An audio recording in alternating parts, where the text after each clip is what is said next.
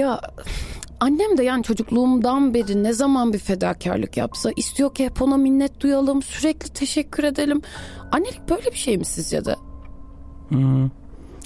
Peki Bayan Smith hiç kendinizi öldürmeyi düşündüğünüz oldu mu? Ne? Ha- Hayır hiç düşünmedim. Neden sordunuz ki şimdi? Ben bazen düşünüyorum biliyor musunuz? Bazen böyle gözümü açıp kapıyorum. Kendi cesedim gelip gidiyor Ee, gözümün ş- önünde. Hmm, En çok da bileklerimi kestiğimi görüyorum. Her yer kanlar içinde. Aa, Ben kendimi hiç iyi hissetmiyorum şu anda böyle bir e, şu an e, ben seansı bitirmek istiyorum. Ee, evet. Ölümü kabul etmelisiniz.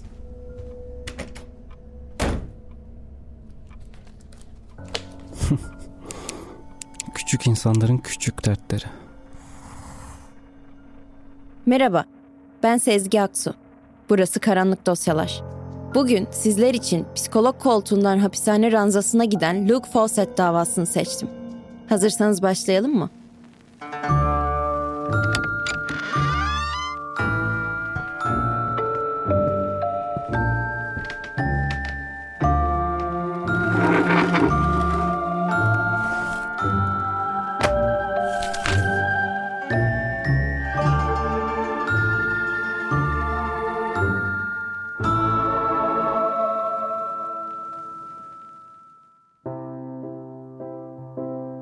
Nisan 2020'de Perth, Avustralya'da Paskalya Bayramı kutlanıyordu. İnancına tüm kalbiyle bağlı 66 yaşındaki Mary Collins de içinde bunun heyecanını taşıyordu.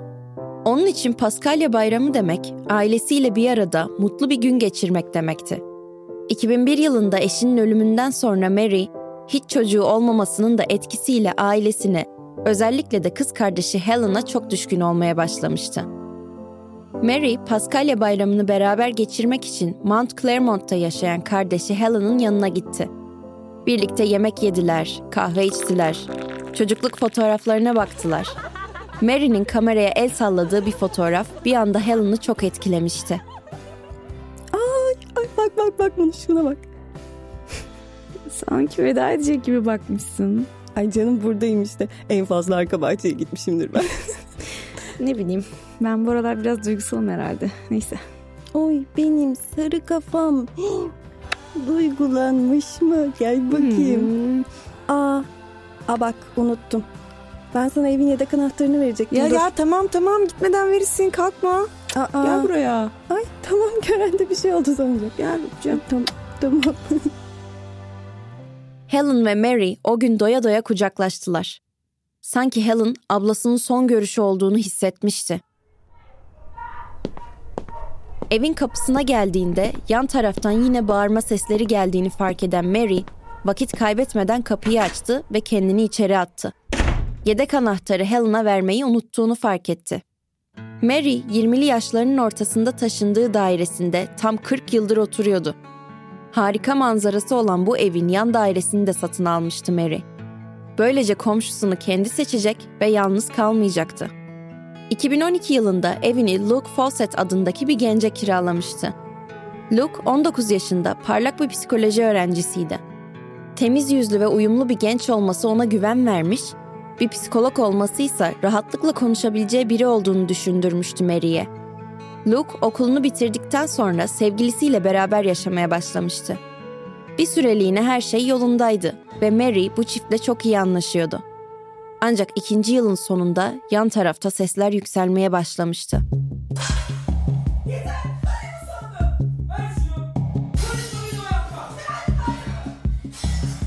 Camlar kırılıyor, tencereler yerlere boşaltılıyordu. Luke'un uyuşturucu kullanmaya başlamasıyla herkesle arası bozulmuştu. Bu kavgaların ardından sevgilisi Luke'u terk etti. Luke aksi, öfkeli ve sorumsuz bir insana dönüşmüştü. Kavga ediyor, kirasını ödemiyor ve üstüne Mary'den borç istiyordu. Mary'nin bozulan psikolojisine iyi geleceğini düşünerek aldığı kiracısı onun psikolojisini hepten bozmaya başlamıştı. Onu evden çıkarmak şart olmuştu. Mary bu tarz konuşmalar yapmayı beceremese de cesaretini toplayıp Luke'la konuşacaktı. Ertesi sabah Helen 10 gibi Mary'e mesaj attı. Yemeği fırınlamış ve öğle yemeği için Mary'i davet etmişti. Mary mesajına cevap vermedi. Kız kardeşler gün içinde sıkça mesajlaşırlardı. Ama bir gün önce telefonda konuştuktan sonra Mary'den hiç ses çıkmamıştı. Bu durum Helen için garipti. Cevap alamayınca 20 dakika sonra bir mesaj daha attı. Yine cevap yoktu. 11.30 civarında Helen, Mary'i aramaya karar verdi.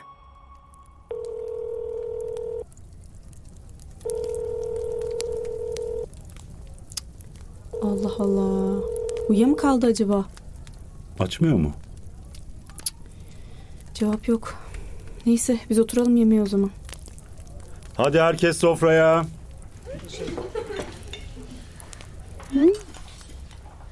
Aramana cevap veremediğim için özür dilerim. Kendimi pek iyi hissetmiyorum. Tanrı seni korusun. Ve Paskalya bayramı kutlu olsun.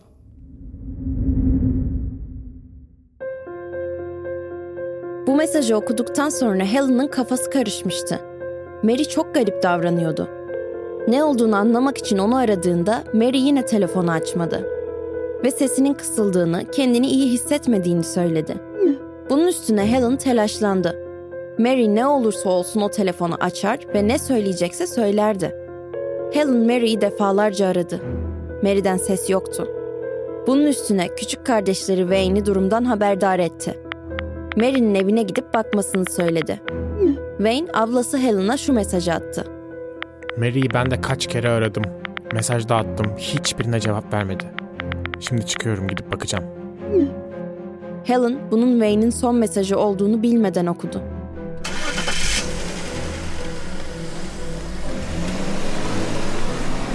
Bunun üzerine Wayne yola çıktı. Apartman kapısının kilidi değişmişti ama Mary'nin dairesinin anahtarı onda vardı. Wayne, Washington Gardens'a ulaştı ve Mary'nin en üst kattaki dairesine doğru merdivenlerden çıkmaya başladı. İçinde garip bir his vardı. Aradan iki saat kadar geçtiğinde Wayne eve varmıştı.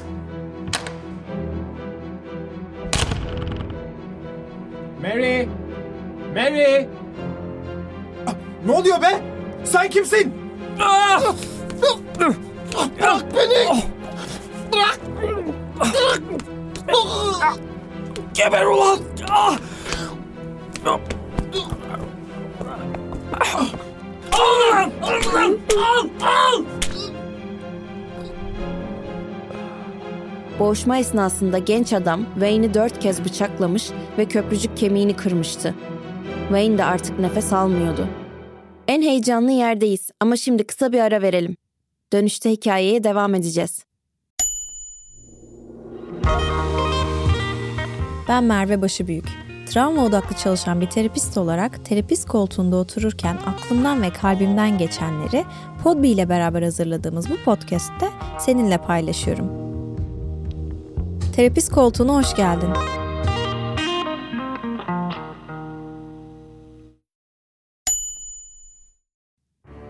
Bu sırada Helen Wayne'den haber bekliyordu. Helen'ın endişeli olduğunu bilen Wayne ona mutlaka haber verirdi. Ancak 3 saat geçmesine rağmen henüz hiçbir haber alamamıştı. Bunun üzerine Helen Wayne'i aramaya ve ona mesajlar atmaya başladı. Ancak Wayne'den de cevap gelmeyince Helen damadından kendisini Washington Gardens'a götürmesini rica etti. Birlikte yola çıktılar ve Helen yol süresince aralıklı olarak hem Mary hem de Wayne'i aramaya devam etti. Mary'nin oturduğu apartmana geldiler ve zile bastılar. Açan yoktu.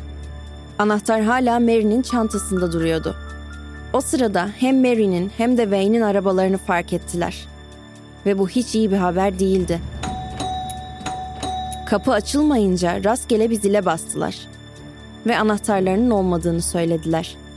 Bir komşu onlara kapıyı açtı ve Mary'nin dairesine doğru hızlı adımlarla merdivenleri tırmandılar. Daire anahtarı Helen'da vardı. En üst kata çıkıp kapıyı açtılar. Açar açmaz karşılarında yerde Mary ve Wayne'in cesetlerini buldular.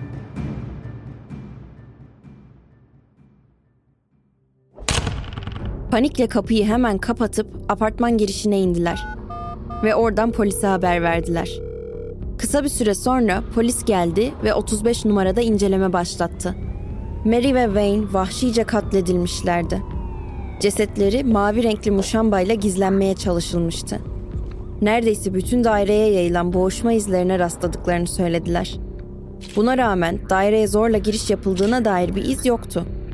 Yakın zamanda tadilat yapıldığı ve kilitlerinde yeni değiştiği düşünüldüğünde katil her kimse kapıyı açabileceği bir şeyi yoktu.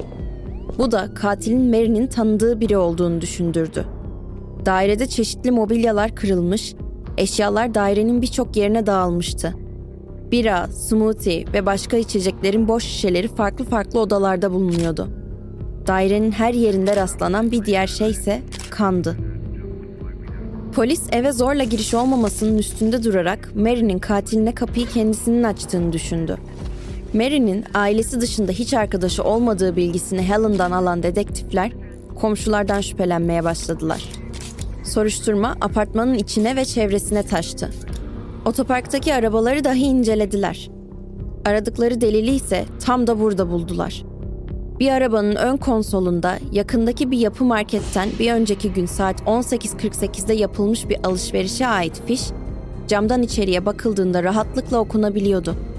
Arabanın sahibi cesetleri saklamak için kullanılan bir halat ve mavi brandayı satın almıştı.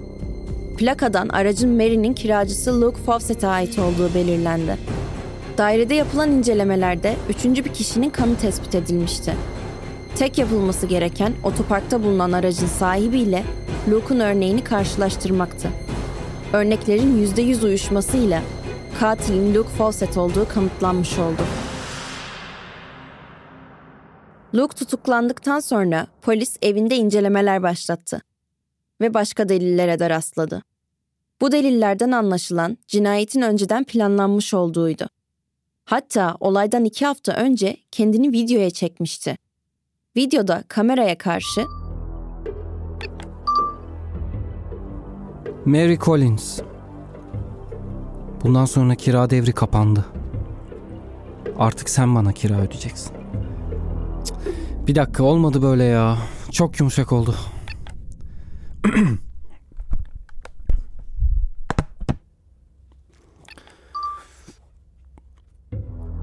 Mary Collins! Bu gözlere iyi bak. Bundan sonra kira mira yok. O devir kapandı. Artık ödeme sırası sende. Şimdi bana paşa paşa tüm banka bilgilerini veriyorsun.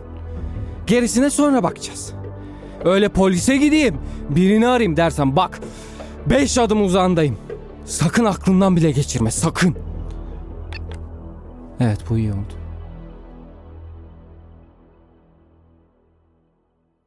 Luke Fawcett çocukluğunda yaşadığı çaresizliği yeniden hissetmeye başlamasıyla uyuşturucu kullanmış, uyuşturucu kullandıkça çaresizleşmişti.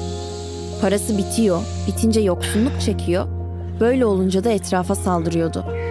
Kendisi çok başarılı bir psikolog olmasına karşın kendinde çözemediği birçok problemi vardı. Uyuşturucunun etkisiyle profesyonellik dışı davranışlar sergilemeye başlamış, bir iş arkadaşı hakkında da asılsız olduğu kısa sürede ortaya çıkan bir cinsel saldırı şikayetinde bulunmuştu. Şikayetin asılsız olduğu kanıtlanınca işine son verildi ve danışan görme yetkisi elinden alındı. Başarılı psikolog artık işsizdi ve bütün itibarını yitirmişti. Harika geçen bir akademik hayatın ardından böyle bir son yaşamak ona fazlasıyla ağır geldi.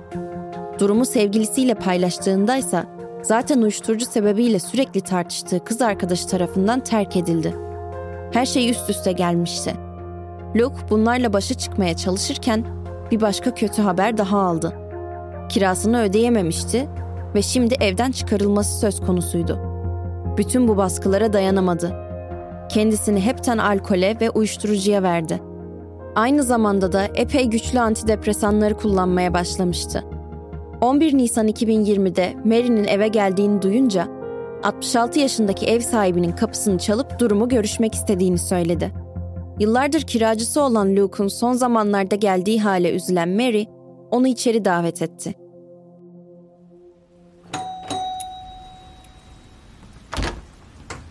İyi akşamlar Mary Collins. İyi akşamlar Luke. Bu aralar pek iyi değilim. Sizinle konuşmak istiyorum. İçeri girebilir miyim? Ee, aslında işim vardı. Çok kısa. Lütfen. Buna ihtiyacım var. Peki. Geç buyur. Teşekkürler. Mary bu kira meselesinden dolayı üzgünüm. Beni çok zor durumda bırakıyorsun Luke. Yani seni sıkıştırmak istemem tabii ama kaç ay oldu sabrediyorum. Ben de bunun için geldim. Sizinle konuşmam lazım. Yok gerek yok. Ben düşündüm. Ben de seninle konuşmak istiyordum. Ee, evi boşaltmanı istiyorum. Lütfen bir dakika. Çok üzgünüm. Biliyorum ne durumda olduğunu. Ama bunu Bakın. yapmaya mecbur bıraktın beni. Bayan Collins. Beni bir dinleyin. Luke bak senden korkuyorum artık. Sana beni dinleyeceksin dedim. Luke tamam. Sakin ol. Yok sana kiramira anladın mı? Zor durumdaymış bilmem ne. Hadi lan oradan.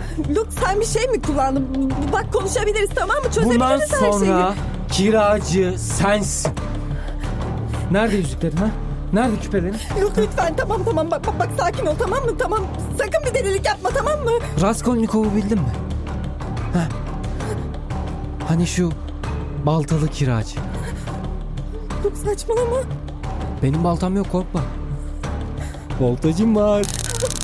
Yüksek voltaj. Luke yapmak zorunda değilsin. Cehennemin dibinden kiranı ödeyeceksin.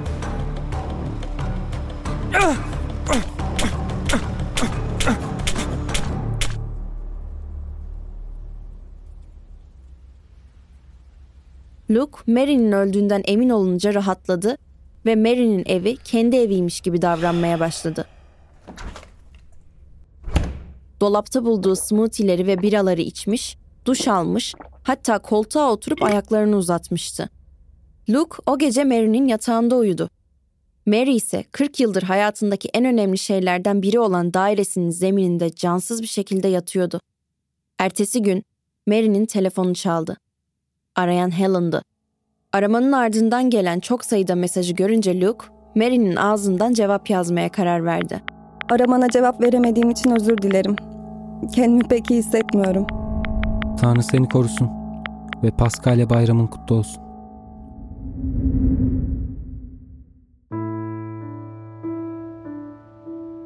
Luke tüm kanıtlar onu gösteriyor olmasına rağmen mahkemede suçlamalara itiraz etti.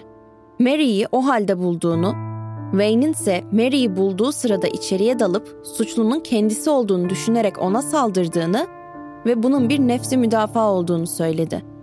Eldeki sağlam kanıtlara dayanarak bu savunmaya inanmayan jüri, yarım saat içinde Luke'u suçlu buldu. Ve Luke Fawcett, Eylül 2021'de iki kez müebbet hapis cezasına çarptırıldı. Belki de Luke'un zamanında en az kendisi kadar başarılı bir psikoloğa ihtiyacı vardı. Başa çıkamadığı sorunları için terapi görüyor olsaydı, belki de sonu cinayetlerle biten bir mental çöküş yaşamayacaktı. Kariyeri bitmemiş olacak, başarılı bir psikolog olarak danışanlarına yardım etmeye devam edecekti.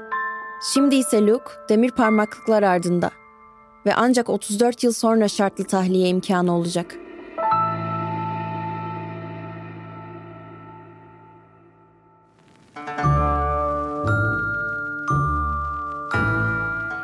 Evet, bugünün sizler için seçtiğim karanlık dosyasının da sonuna geldik. Bir sonraki karanlık dosyada görüşmek üzere. Kendinize iyi bakın.